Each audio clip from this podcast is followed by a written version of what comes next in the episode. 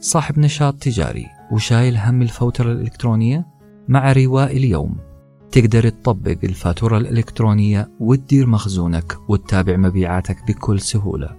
جرب تستخدم النظام لمدة 14 يوم مجاني. ولاحظ الفرق بنفسك. رابط التجربة في وصف الحلقة. مرحبا. هذا ساندويتش تدويني.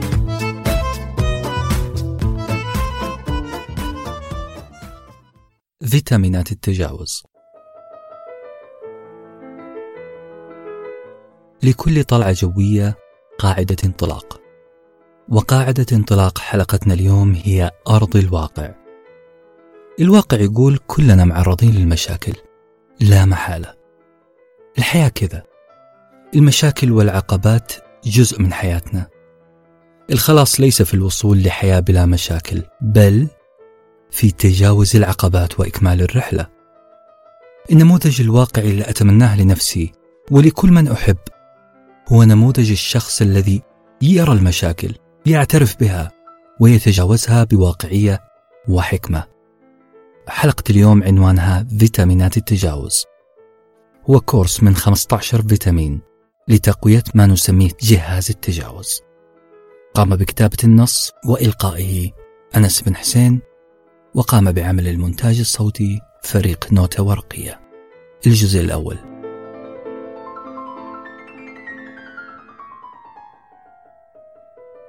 الفيتامين الأول. اللقاح اللغوي. اللغة اللي تستخدمها لوصف حالتك مع الأزمات هي اللي راح تحدد علاقتك بها. اسمعوا معي المثال التالي. نفترض أنك الآن في مشكلة. في شيء شاغل بالك. اختبار مهمة صعبة زعل مع صديق أو مشكلة مع العائلة. أعترف لكم أعزائي المستمعين والمستمعات إنها فعلا مشكلة. أنت تمر بأزمة. لحظة. اسمحوا لي أعيد الكلمتين الأخيرتين مرة ثانية وأتمنى منكم التركيز عليها. أنت تمر بأزمة بمشكلة. ملاحظين كلمة تمر بأزمة؟ علاقتنا بالأزمات هي علاقة مرور فقط. وكأن الأزمة هي شيء عارض ملقى على قارعة الطريق. كأننا نسير في طريق وعلى جانبي هذا الطريق نمر بشيء مزعج سميناه أزمة. لازم نؤمن أن الأزمات شيء عارض في مسيرتنا. نحن لا نسير في أزمة بل نمر بأزمة. نمر مرورا سريعا. لو أكملت المسير فستتجاوز الأزمة. هذه هي اللغة اللي المفروض تستخدمها لوصف حالتك وقت الانزعاج والضيق. أنت تمر مرورا عارضا بانزعاج أو ضيق وليس سيرا أو حياة فيها. شد حيلك وافعل ما قاله وينستون تشرشل إن كنت تمر عبر الجحيم فواصل المسير. الفيتامين الثاني تطبيع المشاعر. هل تأملت يوما كلمة مواساة؟ المواساة هي شيء يفعله لنا من يحبنا ونحن نفعله لمن نحب. المواساة عادة تأتي على شكل كلمات أو نصائح. لا تزعل لا تندم لا تتكدر. رغم إيماننا العميق بصدق نوايا هؤلاء إلا أنهم يرتكبون خطأ عظيما غير مقصود. الزعل مو بكيفي ولا بكيف أي أحد. الزعل حاصل حاصل. لأني إنسان إنسان عنده مشاعر. ولأنه المشاكل حتحصل برضاي أو غصب عني. فلذلك الشعور بعدم الراحة هو شعور أمتلكه فعلا وإنكاره مصيبة. طيب والحل؟ الحل في أنك لا تتحرج من حصول مشاعر حزن أو تكدر. نعم تقبل حقيقة أنك حزين الآن. أو غير مرتاح. بمعنى أصح اعمل عملية تطبيع لهذا الشعور. نعم يا جماعة. طبيعي أن أشعر بعدم الراحة من فترة لأخرى. الضيق اللي يحصل لي ويحصل لك بسبب تعليق سخيف من شخص غير لطيف أو الشعور بالإحباط بسبب فشلي في تجاوز مادة دراسية أو إحساس عام غير واضح بالعجز والقلق. هذا كله طبيعي. هذا يحصل. لأن هذه المشاعر إن دلت فإنما تدل على أنك إنسان حساس مفكر صاحب مسؤولية صاحب طموح. مسؤوليتنا ليست في طرد الشعور بالضيق بل في التعامل معه بالطريقة المناسبة. بدون الاعتراف بالضيق بدون تطبيع المشاعر لن تستطيع أن تتعامل لا مع الضيق ولا مع المشاعر. لا يمكنك التعامل مع شيء خفي وغير معترف بوجوده. لذلك ريح أعصابك شوية. كل ما شعرت بعدم الراحة أو القلق أو الضيق. أعرف أنه هذا الشعور طبيعي يحصل مع أي إنسان. هذا ثمن بخس مقابل إكمالك لحلمك. الفيتامين الثالث اليوم الجديد. عندي سؤال وأحتاج منكم إجابة شفافة ودقيقة.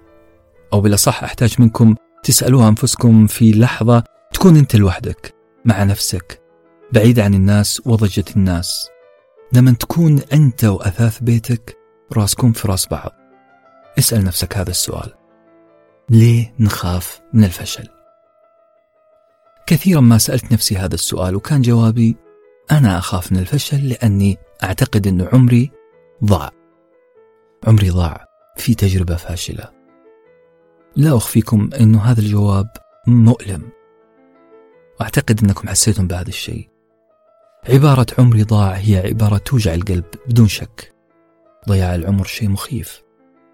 لكن المخيف فعلا هي الطريقة الكارثية. طريقة تفكيري بهذا الشكل. طريقة ربطي الخاطئة بين التجربة غير الناجحة وضياع العمر. الحقيقة تقول إنه كل يوم تستيقظ فيه من النوم وتجد نفسك حيا. هو يوم تستطيع أن تبدأ فيه بداية جديدة.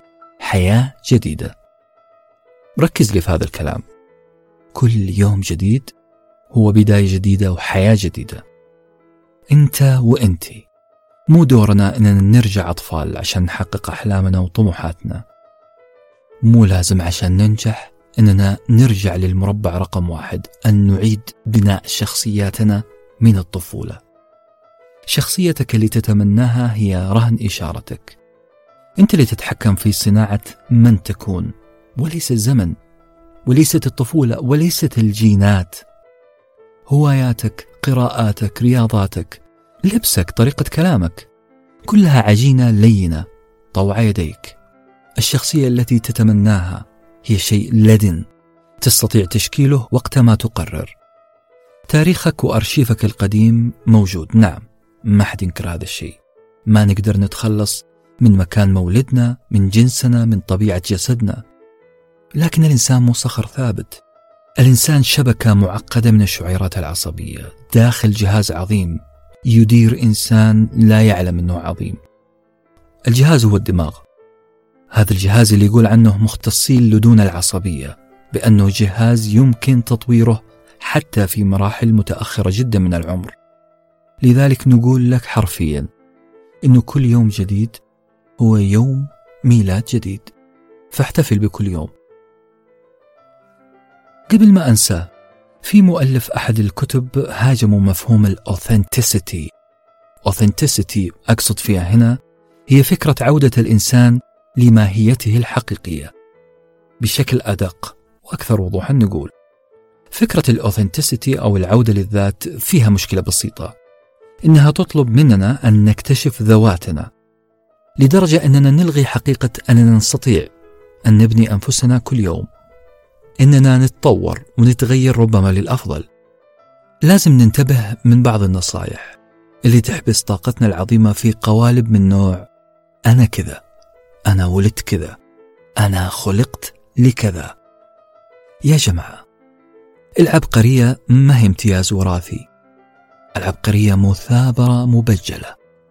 حطوا خطين تحت هذه العبارة. العبقرية مثابرة مبجلة. الشاهد. لازم نتجاوز مرحلة صعبة فشلنا فيها. تجاوزها وتأكد بأنه لا يمكننا العودة إلى الوراء من حيث بدأنا. لكن بإمكاننا أن نبدأ كل يوم لنصل لنهاية نريدها. عيد ميلادك الحقيقي يجب أن تحتفل فيه كل صباح. لأنه سيشهد ولادة شخص جديد متجدد أكثر تطورا ونضجا. الفيتامين الرابع العطاء. فن التجاوز يحتاج تجهيز مسبق وهذا التجهيز يطال كل مجالات حياتك وأهمها عقليتك. خلونا في كلمة عقلية المنتاليتي. المنتاليتي الخاصة فيك لابد أن تكون من حديد عقلية مصفحة عقلية مطعمة بالواقعية. العقلية الحديدية اللي نقصدها هنا لا تنتظر من الدنيا هدايا مجانية. العقلية الواقعية ليست عقلية طفل متطلب يعتقد أن والديه يجب أن ينفذا كل طلباته. العقلية الواقعية اللي نقصدها ليست عقلية أنانية ناكرة للجميل بالأصح. الحياة ما هي مدينة لك بشيء لأنها أوريدي الحياة أعطتك وأعطتني الكثير والكثير والكثير. لحظة بلوغنا لهذه الطريقة من التفكير هي لحظة بلوغنا سن الرشد الحقيقي. عندما نتوقف عن التعامل مع الأرض وكأننا مسلفينها فلوس. بالعكس الشخص المسؤول والناجح هو شخص يعطي الأرض أكثر مما أخذ على الأقل يحاول. وحتى لو سألوك هل ترى النصف المليان أم الفارغ من الكوب؟ قل لهم الحمد لله على امتلاكي كوب من الأساس. على الأقل خلي هذا شعورك. بهذه النفسية وبهذه العقلية راح تكون قافز حواجز من طراز فريد. أنت راح تتجاوز الأزمات. أنت لن تكون شخصا متحلطما على نصيبك السيء في الدنيا. ما راح تعيش دور المظلوم ولن تتباكى على محطة فشلت فيها. أنت حتتجاوز هذه المحطة في طريقك برأس مرفوع. الفيتامين الخامس الخروج من السينما. طبيعي أننا نتفرج على أفلام في السينما. بعد انتهاء الفيلم نخرج من عالم الخيال ونرجع لعالمنا الواقعي. المشكلة أنه بعضنا ما يخرج من السينما أبدا. أقصد أنه يعيش جو السينما حتى خارج السينما. بلا صح. تبقى حبكة الفيلم اللي شاهدته وقوانين الحياة التي عرضها لنا الفيلم تبقى في أذهاننا. وكأنها حقيقة. نعم البعض منا يعيش عالم من نوع خاص عالم هوليوود. سيناريو المسلسلات وحبكتها يصير قانون حياة نعيشه. الإشكالية ببساطة هي أن الفن الروائي غالبا هو فقط خيال كاتب. عشان كذا يسمى فن الرواية بالإنجليزي ب fiction خيال. الصورة اللي تقدمها لنا معظم الفنون هي الصورة مثالية خالية من تفاصيل الحياة الحقيقية. صورة مجتزأة أو مجملة أو درامية. لذلك خلونا نتفق على مبدأ. لا تخلون الفن وما يعرض لنا من فنون يكون مقياس نظرتنا للحياة. الحياة لا تشبه الفن بل الحياة لا تشبه إلا الحياة. كم من مرة انصدمنا عندما سارت الحياة بطريقة لم نتوقعها. لماذا لم نتوقعها؟ لأن توقعنا كان مبني على لقطة فيلم أو كلمة أغنية أو مشهد من رواية. لذلك لنتجاوز ما يواجهنا في الحياة من مصاعب علينا أن نتوقف عن عيش الأفلام. بل يجب أن نعيش الحياة بمرها وحلاوتها. نتعلم من الواقع لا من الخيال. فقرة إعلانية قصيرة ونعود. لا تقول لي جمعة بيضاء ولا جمعة سوداء. الجمعة الذهبية مع Golden Scent أقوى الخصومات والعروض على أكثر من عشرة آلاف عطر أصلي. حمل تطبيق Golden Scent من صندوق الوصف واستمتع بخصم إضافي 100 ريال مع كود عطرك. شروط الخصم في صندوق الوصف. الفيتامين السادس عمق المعاني. هل سمعت في مرة عن مصطلح نكتة علمية؟ نعم نكتة علمية. بلا صح هي نوع النكات اللي يقولها لك بروفيسور أو تقرأها في كتاب أكاديمي بحت. لو ما قد سمعت بمصطلح نكتة علمية فأنا مرت علي نكتة في كتاب وحاب أشاركها معكم. الكتاب كان عن الوعي. المؤلف كان يهاجم أنصار المدرسة السلوكية. ويتهمهم بالسطحية. فعلا هو اتهمهم بأنهم يركزون على تفسير أي ظاهرة بمراقبة السلوكيات الخارجية للناس. خلينا نبسطها ونقول المؤلف كان يرى أنه من الخطأ أن نفهم ظاهرة اجتماعية عميقة من خلال تفحص قشرة الحقيقة. يقول علماء السلوك وما يفعلونه في معاملهم كأنهم صديقين هذول الصديقين يرتشفان القهوة أمام بعض. يقول للأول الثاني من تعابير وجهك تبدو قهوتك رائعة. انظر إلي وقل لي ما رأيك في قهوتي. سخرية لاذعة وهجوم ذكي من المؤلف. قصد فيه أنه عندما نريد أن نفهم ظاهرة فمن الخطأ أن نعتمد على الظاهر بل من المفترض أن نذهب لأعمق من ذلك أعمق من السلوك الظاهري الخارجي. الإنسان وحتى الحيوان يحمل نوايا دفينة ومعاني عميقة لا نستطيع اكتشافها بمجرد مراقبة القشرة الخارجية. القشرة الخارجية اللي أقصدها اللي هي تعابير الوجه مثلا الكلمات نبرة الكلام حركات اليد وإيماءات الجسد. صعب نعرف نية إنسان وتفسير ظاهرة عميقة زي الصدق الأمانة الإخلاص الخيانة. صعب نعرفها من خلال ملامح وجهنا أو نبرة كلامنا أو حتى مفرداتنا. هذه كلها سلوكيات خارجية. غلط بحسب رأي الكاتب. إننا نحكم من خلالها على الشخص اللي أمامنا. لكن الحقيقة تقول إن الإنسان أعقد من مجرد قشرة خارجية ظاهرة للعيان. الإنسان يمتلك قلب ومشاعر ومبررات وتجارب. ألا بالغاضب مثلا؟ قد يحمل خلف قشرة الغضب اللي تظهر على وجهه قد يحمل قلبا حنونا يريد لابنه الخير. الزوج اللي ثلجت كلماته وبهتت ملامح وجهه عند لقاء زوجته. قد يحمل خلف هذا القالب الثلجي الخارجي حبا دفينا للزوجة. غلط نحكم على الناس وعلى نوايا الناس من خلال القشرة الخارجية الشاهد أن السلوك الخارجي غالبا يشوشر على الناس رادار الحقيقة. لذلك. كل اللي عليك عزيزي المستمع والمستمعة أنك تتجاوز هذه الشوشرة الدماغية. لا تركز على الخارج. بلا صح افترض الأفضل في الناس تحدث مع الناس اسمع كيف يفكرون وحاول أن تفترض أن نواياهم أفضل. ابحث خلف السلوكيات عن نية طيبة وستجد. تجاوز الخلافات وسوء تفسير الظاهرة بأن تقول لنفسك أن الحياة. تتعلق بقيمة الهدية المعنوية وليس بورق السلوفان الذي يغلفها.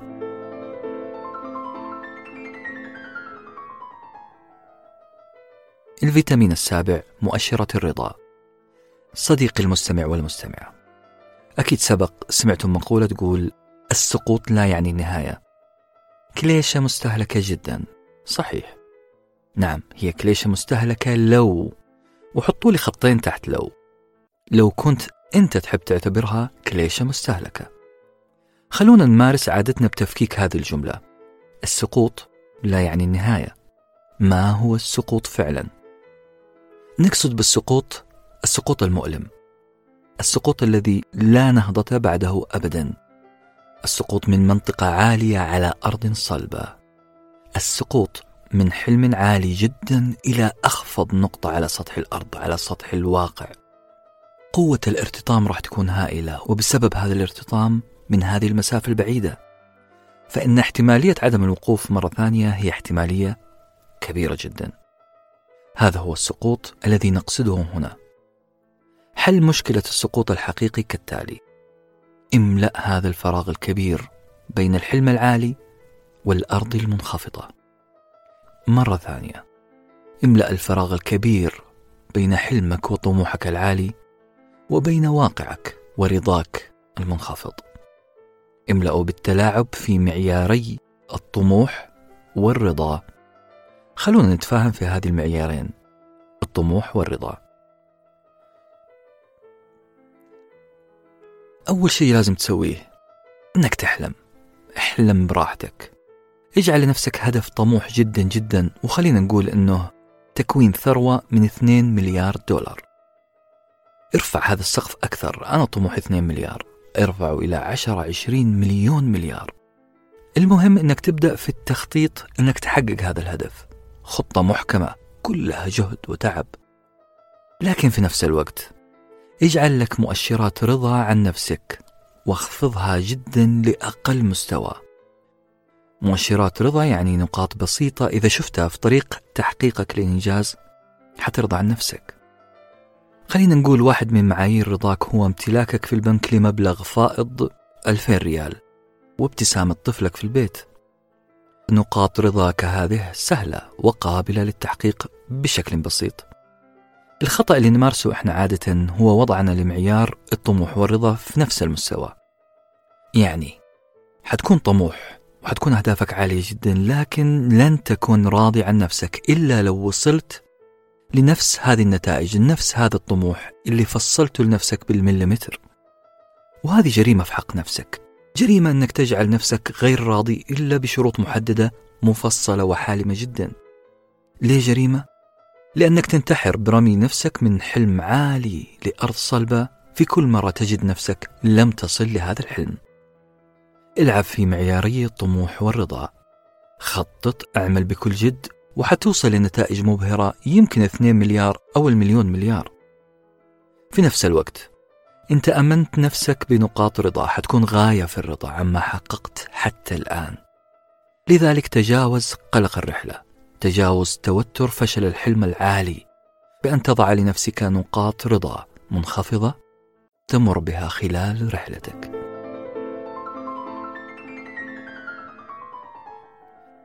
الفيتامين الثامن نبذ المقارنة. لو يحق لي أني أختلق بكل جراءة وجسارة بل بكل عبث أن أختلق مصطلح يشرح ما أريد أن أقوله الآن لقلت لكم أن مصطلح الوليد هو الشمعنة. آسف على هذا المصطلح. لو بحثت في قواميس اللغة العربية كلها لن تجد كلمة بمعنى الشمعنة. الشمعنة اخترعناها من عبارة إيش معنى؟ وهي كليشة اعتراضية متداولة بيننا. إيش معنى أخي حصل على هذا الشيء وأنا لم أحصل؟ إيش معنى زوجة فلان سافرت إلى المكان الفلاني وأنا لم أسافر؟ الشمعنة اللي نقصدها ترجمتها بالفصيح لماذا لم يحصل معي مثل ما حصل فلان وعلان؟ الشمعنة قاتلة؟ لأنها تضعك في مقارنة مع شخص آخر مختلف عنك في كل شيء في الجين، الأهل، الأرض، الإمكانيات المادية والجسدية إلى آخره. أنت حتحط نفسك في مقارنة ظالمة مع شخص مختلف عنك شكلا ومضمونا. أنت بالشمعنة تريد أن تحصل على ما حصل عليه غيرك.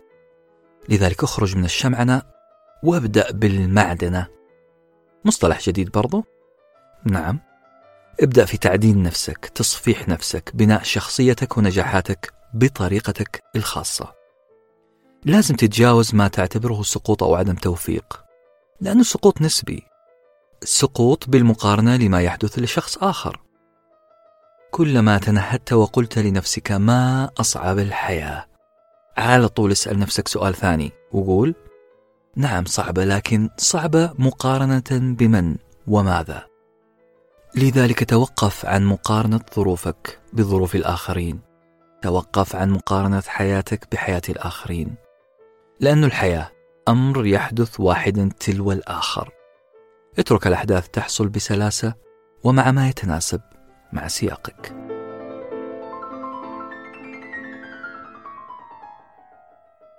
الفيتامين التاسع المرونة أنا مؤمن بمبدأ أن العقلية التي أوجدت المشكلة لن تستطيع حلها. فن التجاوز يعتمد بشكل رئيسي على تغيير التكتيك لا الهدف. يعني أنا ماني مؤمن بالعبارة اللي تقول أينما وقع سهمك حتى لو كان بعيد تماما عن الهدف اذهب لمكان سقوط السهم وارسم دوائر حمراء واجعلها هي الهدف. هذا لعب على النفس. إذا كان عندك هدف نبيل وقابل للتحقيق وتؤمن فيه تماما لكنك تعجز عن الوصول إليه حاولت مرة واثنين وثلاثة تأكد أنك لازم تكون مرن. خليك مرن في التنقل بين الأدوات. إلى أن تصل إلى التوليفة المناسبة. وهنا خليكم مفتحين عيونكم معايا أو بالأصح أذانيكم الإصرار صفة محمودة لكنها لا تعني الإصرار على نفس الأداة التي فشلت فيها. استخدم أداة أخرى يعني لا تعاند على استخدام نفس القوس المكسور عشان ترمي سهامك بل استخدم قوس جديد. أصلح القوس المكسور. ركب نظارة. استخدم أداة أخرى غير القوس أصلا. استخدم أدوات وتكتيكات مختلفة وأبقي هدفك كما هو. سيكون كل شيء على ما يرام في النهاية. وإذا لم يكن في النهاية على ما يرام فإن هذه ليست النهاية. مرة ثانية ركزوا لي في العبارة الفخمة هذه. سيكون كل شيء على ما يرام في النهاية. وإن لم يكن على ما يرام تأكد أن هذه ليست النهاية. أنت اللي تحدد نهاية إصرارك بنفسك. ونختم هنا بكلام أينشتاين اللي قال من الغباء فعل نفس الشيء مرتين بنفس الأسلوب ونفس الخطوات وانتظار نتائج مختلفة. خليك ذكي وأنت فعلا ذكي. تجاوز الجمود وستصل.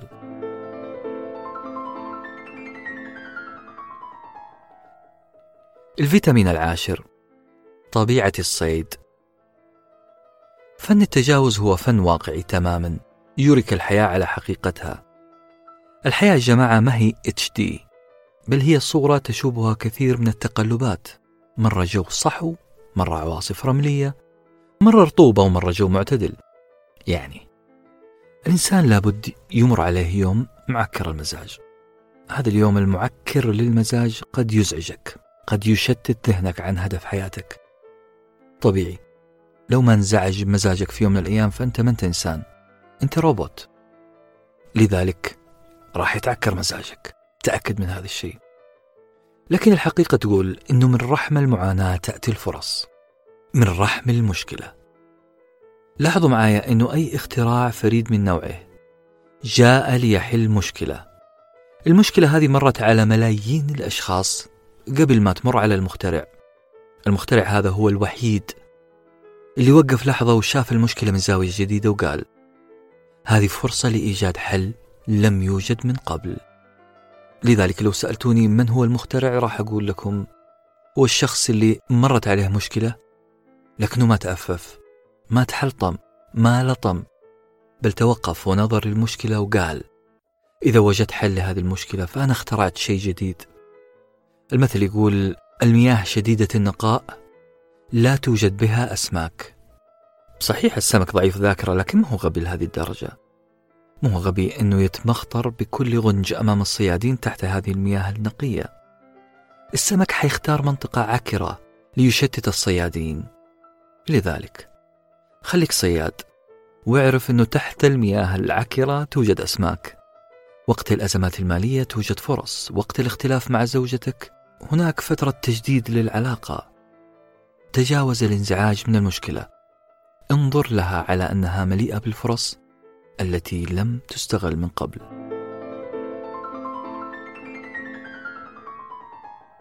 وصلنا اليوم للفيتامين العاشر. راح ألتقط أنفاسي شوية وألتقط معها كوب الشاي لنكمل في الحلقة الثالثة والأخيرة. حديثا عن مهارات التجاوز تجاوز الوقت الصعب.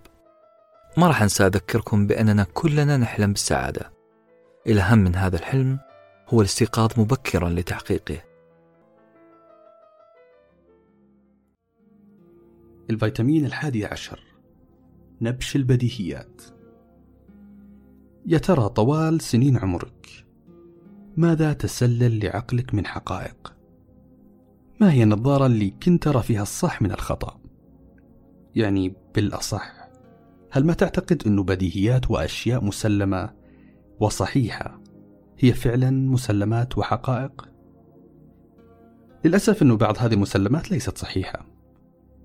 يعني أنا مثلا كنت على قناعة تامة بأني خلقت بمهارة خط سيء جدا. لكني تفاجأت بعد ثلاثين سنة وأكثر بأن هناك الكثير جدا من المعجبين بخطي. تخيلوا أني ما كنت أصدقهم. وإلى اليوم سوء خطي وبسبب ملاحظات قيلت لي كثيرا أيام الطفولة أصبحت مسلمات في خزانة عقلي. وما أبالغ إن قلت إني أحس بتسارع ضربات قلبي في كل مرة أمسك فيها القلم وأحاول أكتب. في قناعات داخلنا لا تمثل الواقع الخارجي. أحيانا ما نعتبر بديهيات وحقائق تحتاج خلخلة. تحتاج إعادة نقاش. تحتاج إلى زيارة متفحصة في حقيقتها. من هذه الحقائق اللي ليست بحقائق مثلا أن الإبداع مرتبط بالجينات أو أن المهارة تولد مع الشخص ولا تكتسب. تتضاعف وتتأكد في أذهاننا هالمقولات كلما رأينا محترفا يفعل أشياء بتلقائية وسهولة نتعب نحن ونعجز عن فعلها. لاحظت أننا نقول أنه هذا اللاعب مش طبيعي. هذا أكيد طفرة جينية. مشكلتك ومشكلتي يا عزيزي أننا ما شفنا ألاف الساعات اللي تدربها هذا الشخص. لم ترى أنت سقطاتها خلف الكواليس ولم ترين أنت محاولاتها وفشلها. للأسف أنه ما توجد أشعة تظهر نفسية هذا الخارق وإلا لكنا عرفنا أن عقلية الوصول هي عقلية مكتسبة. عقلية نصنعها بملء إرادتنا. عقلية كفيلة بأن تجعلك طفرة بحد ذاتك في أي مجال. السهولة اللي تعرف فيها عازف عود أو لاعب كرة قدم أو كاتب تقطر كلماته سحرا هي سهولة لا نستطيع رؤية كواليسها ولذا خلونا نتجاوز إحباطاتنا اللي خلقناها بأنفسنا لأنفسنا. ولنبدأ التمرين والعمل. لنتجاوز المسلمات التي ليست إلا فرضيات بلا براهين أو إثبات. الفيتامين الثاني عشر التفرد. ما الدنيا إلا شاشة كبيرة. أعتقد أن شكسبير كان راح يقول هالجملة لو كان عايش في عصرنا الحاضر. نعم حياتنا عبارة عن شاشات في كل مكان حتى في أغرب الأماكن اللي ممكن تجي في بالكم. في الجوال تداهمك فاشينيستات يعلنون عن الموضة والعطور.